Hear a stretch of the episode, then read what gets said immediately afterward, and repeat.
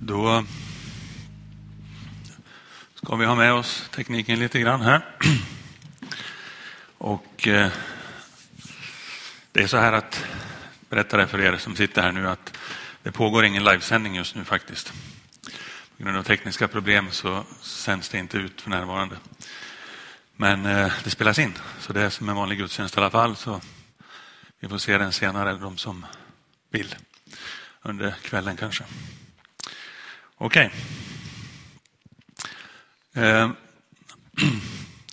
prövningar hjälper dig att växa, är ämnet.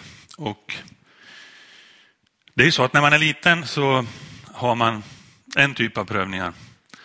När man är barn, jag tror ni kommer ihåg de flesta av er som inte är barn nu, att eh, prövningarna på den tiden var lite enklare oftast. Den kunde bestå av att eh, man fick inte den där godispåsen som man ville ha när man var på affären. Och då gällde det att sparka och skrika så högt som möjligt, men det hjälpte inte. Men den prövningen var fruktansvärd. Det gick inte att få den där godisen. Det var fel dag idag tydligen. Sen blir man lite äldre, man växer lite grann och så kommer man upp i andra typer av problem. Efter ett tag kanske den jättestora prövningen på dagen är att badhuset stängde klockan tre. Och jag hann inte dit. Det fanns ingen chans att vi skulle kunna åka dit och då var det jättejobbigt. Något år senare eller några år senare då sitter man där och har åkt fast för att man har trimmat sin moppe kanske. Och då är det inte kul. För då har man mött en jätteprövning. Men eh, alla de prövningarna är ganska lugna egentligen. Om vi jämför med eh, det vi kan vara med om annars. Det första vi kommer till här alldeles strax, jag ska bara säga en sak till. Motgångarna när man blir äldre, och de kan komma givetvis när man är yngre också, större saker än så. Men normal, normal utveckling brukar det vara så där. Man kommer fram till någonting som, som eh, man aldrig trodde man skulle behöva möta när man blir lite äldre. Och så tänkte man, det här, är det här livet? Liksom? Finns det sånt här i livet också? Kan det gå så här illa? Kan jag förlora? Jag visste ju för sig att folk dör, men att min mormor skulle dö, det trodde jag aldrig. Eh, och när jag tänker efter så var ju det dumt, för det borde jag ha fattat. Men när jag väl står i det så är det en helt annan nivå på, på smärtan och på prövningen. Jag tänker mig att Guds perspektiv på smärta och på prövningar är naturligtvis lite annorlunda än vad vårat är. Vi kan tänka oss att här nere någonstans så, så har vi det här barnperspektivet och så sen är vi här uppe och tycker att det är lite tuffare saker och det är jättejobbiga motgångar och vi kan se likadant ungefär över hela världen liknande motgångar och liknande krascher vi är med om. Och för oss så känns ju de här motgångarna för barnen som, ja, okej, okay, det är ingen fara, det är lugnt. Och jag tänker med Guds perspektiv sen, han ser ju vårat, det, han är otroligt mycket högre upp sen. Så att våra grejer som vi går igenom, han har ju inga problem med dem. Liksom. Det är verkligen små saker i perspektivet från honom. Men när jag får en krasch, när jag upplever en katastrof, en kris av något slag eller stor smärta, vad gör jag då med den? Det viktiga att göra då, för faktum är att det inte, prövningar är inte bara smärta, det är faktiskt verktyg också för att få en att växa i livet vidare. Man kan dra stor nytta av att man har haft motgångar och haft stora prövningar. Så det är inte bara elände. Vi brukar ibland säga att det är inget ont utan att det för något gott med sig. Och det ligger mycket sanning i det. Det finns en viktig nivå att nå och det är att lämna ältandet, att lämna grävandet i smärtan i det man har gått igenom och se istället vad det här skulle kunna ge i framtiden. Och Det här kommer naturligtvis att ha olika avstånd mellan att du upplever smärtan och att du kan börja lämna den och, och, se vad den kan ge. Därför att det beror på vad du har varit med om och det beror på dig och din personlighet och på mig hur vi är. Ibland kan det ta lång tid innan man kan liksom, jag menar inte att så fort det är slut så, nu måste du upp och rycka upp det här. Utan det kan ta tid och det får det ta i så fall. Det måste få ta den tid det vill ta. Men frågan är i samband med en krasch och efteråt, vill du bli bitter eller vill du bli bättre? Vill du utvecklas? Vill du sjunka ihop? Eller vill du växa? Alltså, det är upp till oss själva faktiskt efter en tid. Hur vi tar det här och hur vi hanterar det efteråt. Och det första då som jag skriver där och säger det är att kraschen kan föra mig närmare Gud. Och det är ju definitivt en positiv följd av en smärta eller av en kris. I andra Korinthierbrevet 1, 8 står det så här. Kära bröder, jag tror att ni bör få veta lite om den svåra tid vi hade i Asien. Vi pressade så långt över vår förmåga att vi trodde vår sista stund var kommen. Vi kände oss som dödsdömda och såg hur maktlösa vi var när det gällde att hjälpa oss själva. Men det hade ändå något gott med sig. Vi lärde oss att lägga allt i Guds händer. Bara han kunde rädda oss. Vilken insikt. Och vad som kanske krävs i livet för att fatta det här och för att verkligen fatta det. Inte bara veta det teoretiskt, för det kan vi veta allihop. Men att verkligen förstå det och omsätta det i verkligheten så kan det krävas en riktig krasch, en riktig smäll innan vi riktigt går in i det och förstår följderna. Vi kan välja i en sån här läge att rusa till Guds famn, komma till honom därför att det är dit vi vänder oss när det smärtar och när det blir jobbigt. Men en del väljer också att skapa lite avstånd och, och liksom dra sig bort ifrån Gud snarare och försöka lösa saker själv och gå in i sig själv och prata med andra människor och så vidare. Och det finns ju bra saker i det, men att liksom sätta Gud offside och tänka att han kommer inte hjälpa mig med det här, där är ju ett generalmisstag för oss. Det är bättre att ropa ut din smärta till honom. Det är bättre att ropa ut den sorg du upplever. Det är bättre att du delar känslorna. Det är bättre att du delar de tankar som du har fått kring det här. Och diskutera med Gud bara. Det är inga problem att göra det. Det är bara att säga till honom vad du tycker, vad du upplever. Gråt, gör vad du vill. Visa din ilska, visa din förtvivlan. Smärtan är fruktansvärd och plågsam om det är tuffa, tuffa prövningar. Kan den verkligen leda till något bra? Vad säger andra Korinthierbrevet 7 och 9? Jag är inte längre ledsen över att jag skickade mitt förra brev till er. Även om jag ett tag var bekymrad när jag förstod hur smärtsamt det skulle bli för er att ta del av det. Men det plågade er bara en kort tid. Nu är jag glad att jag skickade. Inte därför att det gjorde er ont, utan därför att det fick er att vända er till Gud. Det var en rätt slags sorg ni upplevde. En sorg enligt Guds vilja. Och den vållade er ingen skada. Gud använder ibland sorgen i våra liv för att hjälpa oss att vända oss bort från synden och söka det eviga livet. Vi ska därför aldrig klaga över att han sänder den. Bra va?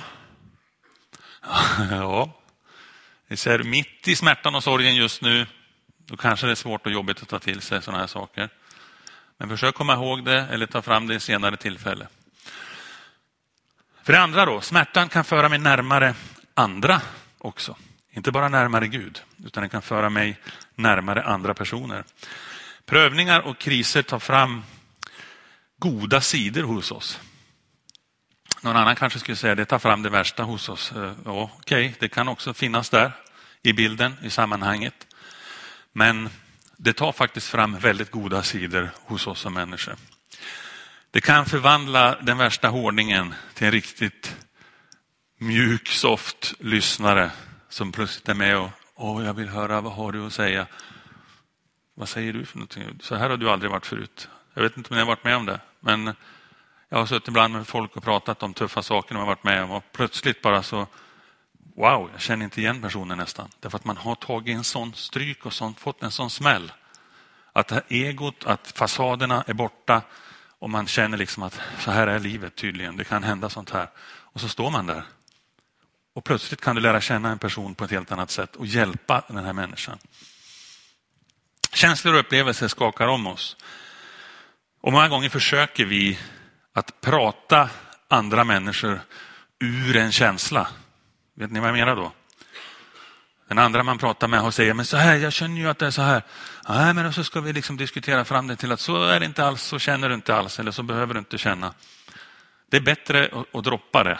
Det är bättre att släppa det, därför att alla känslor har sin rätt på något sätt. Alla upplevelser som, som vi människor upplever, även om inte du känner den eller upplever den alls på samma sätt, så innebär det inte att du kan underkänna den andra människans upplevelse eller känsla omkring någonting som har hänt.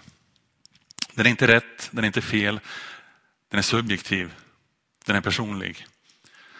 Och sakligt kan det vara rätt eller fel, självklart, det man pratar om och så vidare. Men det de upplever, den känslan och upplevelsen, den kan man inte liksom felförklara och sparka bort. Så.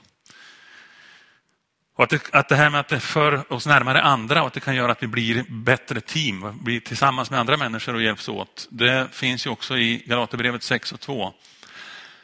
Det här är handbok för livets översättning. Engagera er i andra svårigheter och problem, andras svårigheter och problem. För då gör ni det Herren befallt er att göra. Lite annorlunda formulering än den du kanske kan utan till som säger bär varandras bördor. Men i samma bibelställe.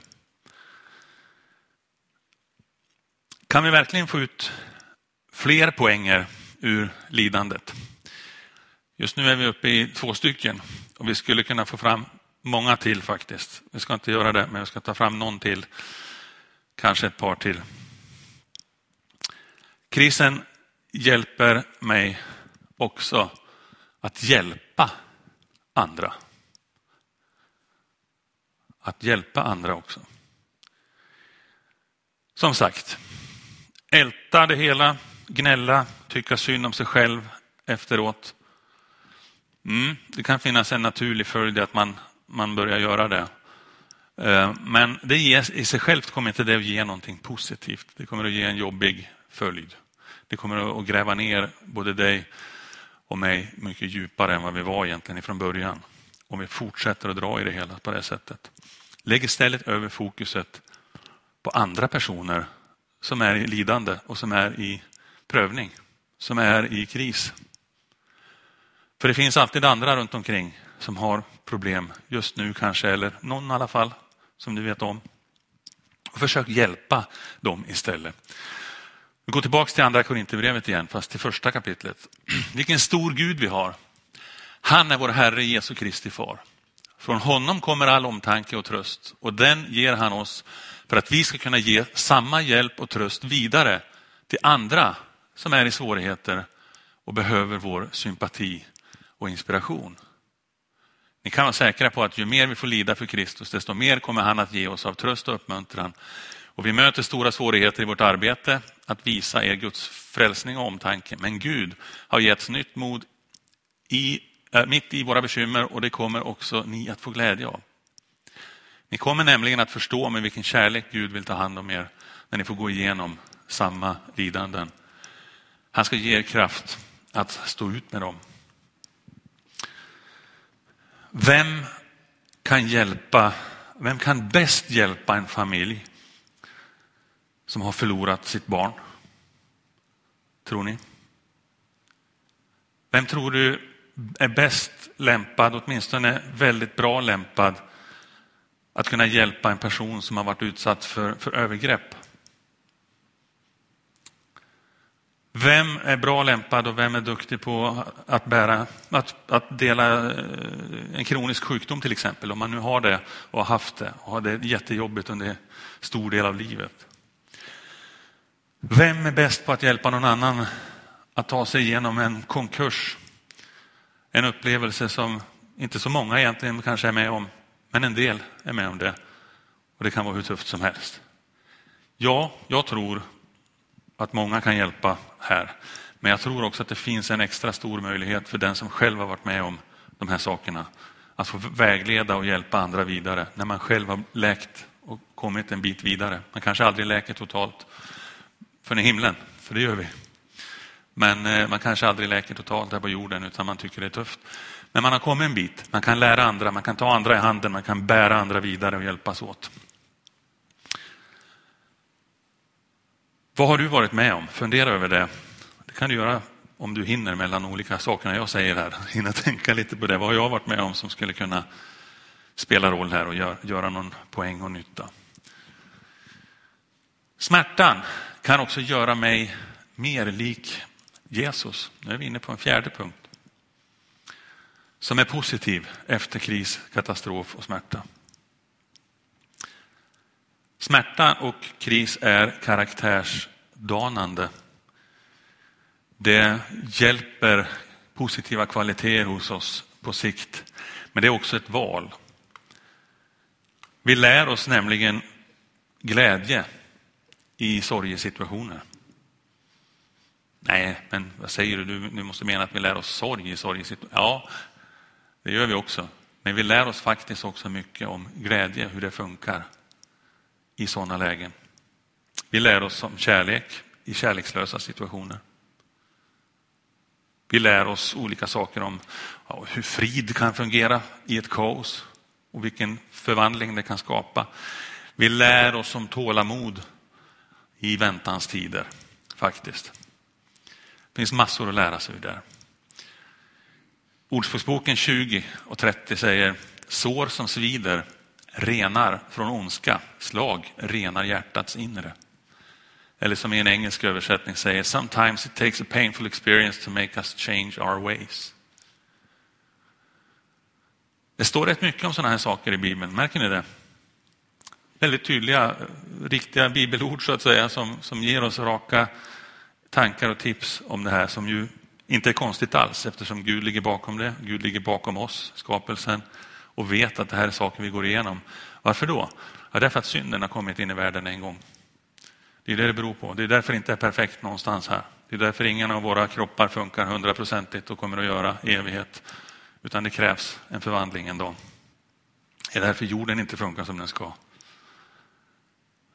Ja, mycket annat också. Var Jesus någonsin ensam? Hade han det tufft? Ja, han hade det tufft.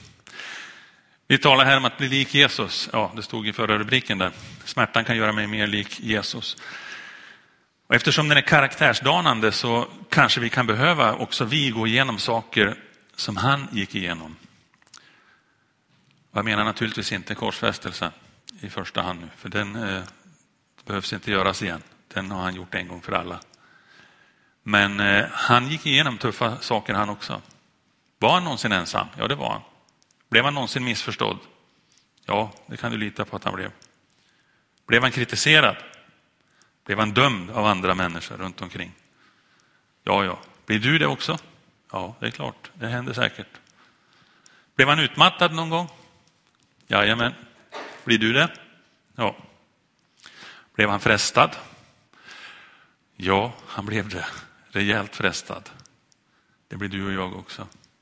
Varför skulle du och jag slippa prövningar helt och hållet? När vi är på den här jorden så förbereds vi för ett liv i evighet, så förbereds vi för ett liv i himlen. Och det här är karaktärsdanande för det livet i himlen tror jag.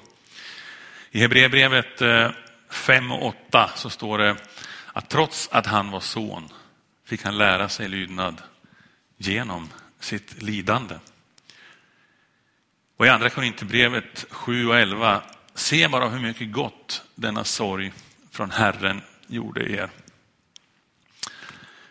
Hemligheten, en av hemligheterna i alla fall, men jag skulle säga kanske en av de största hemligheterna till att bli en vinnare. När det gäller vad? Ja, när det gäller i princip allt. Det här är intressant. Ska han avslöja vad det är för hemlighet att man ska vinna på alla områden i livet? Ja, Eh, faktiskt. Sen betyder det inte att du ska gå och tippa på Lotto eller någonting, för det är inte där det kommer att funka.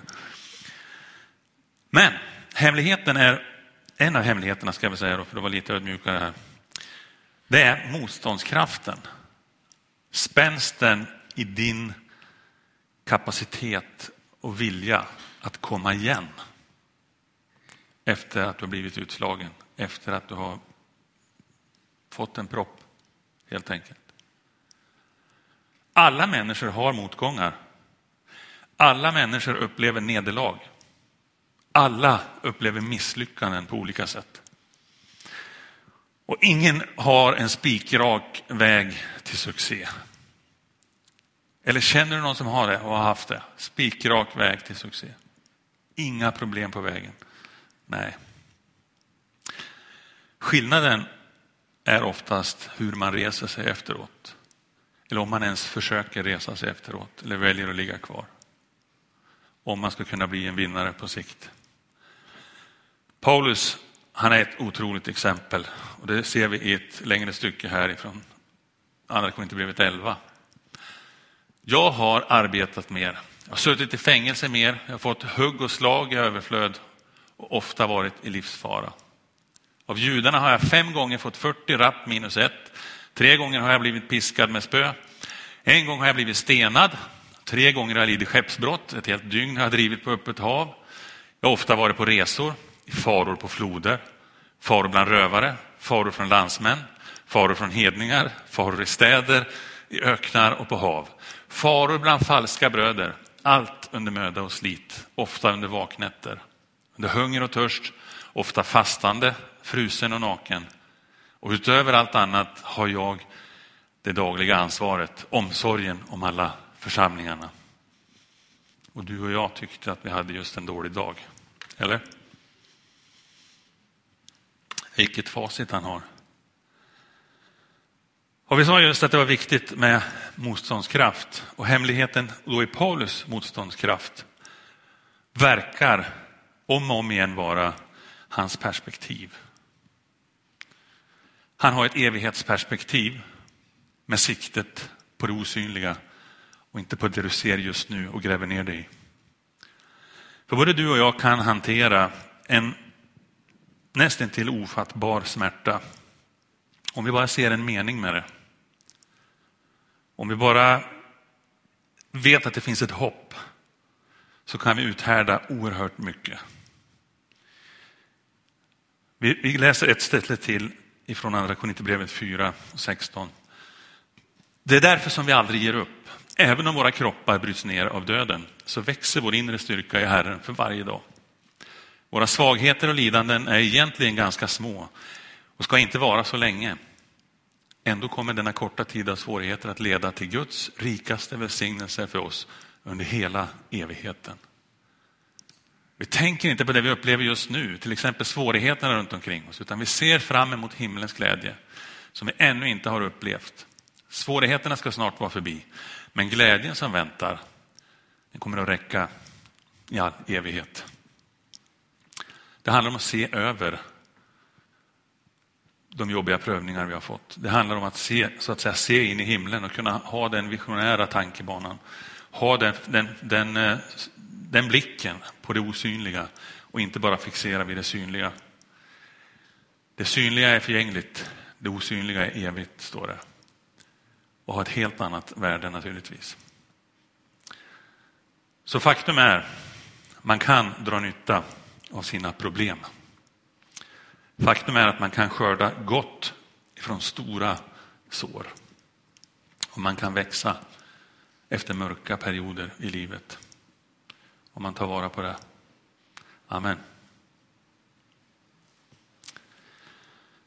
Jesus, jag tackar dig att du har gått före oss med ett underbart exempel.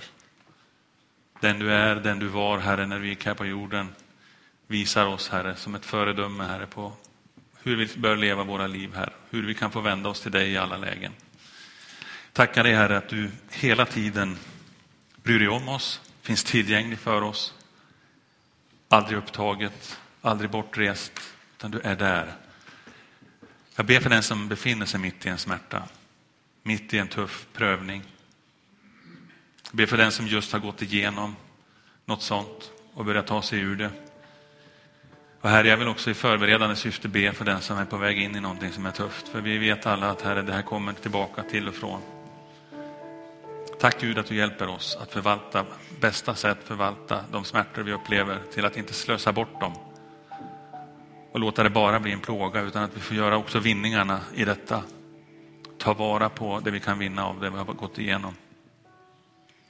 Amen.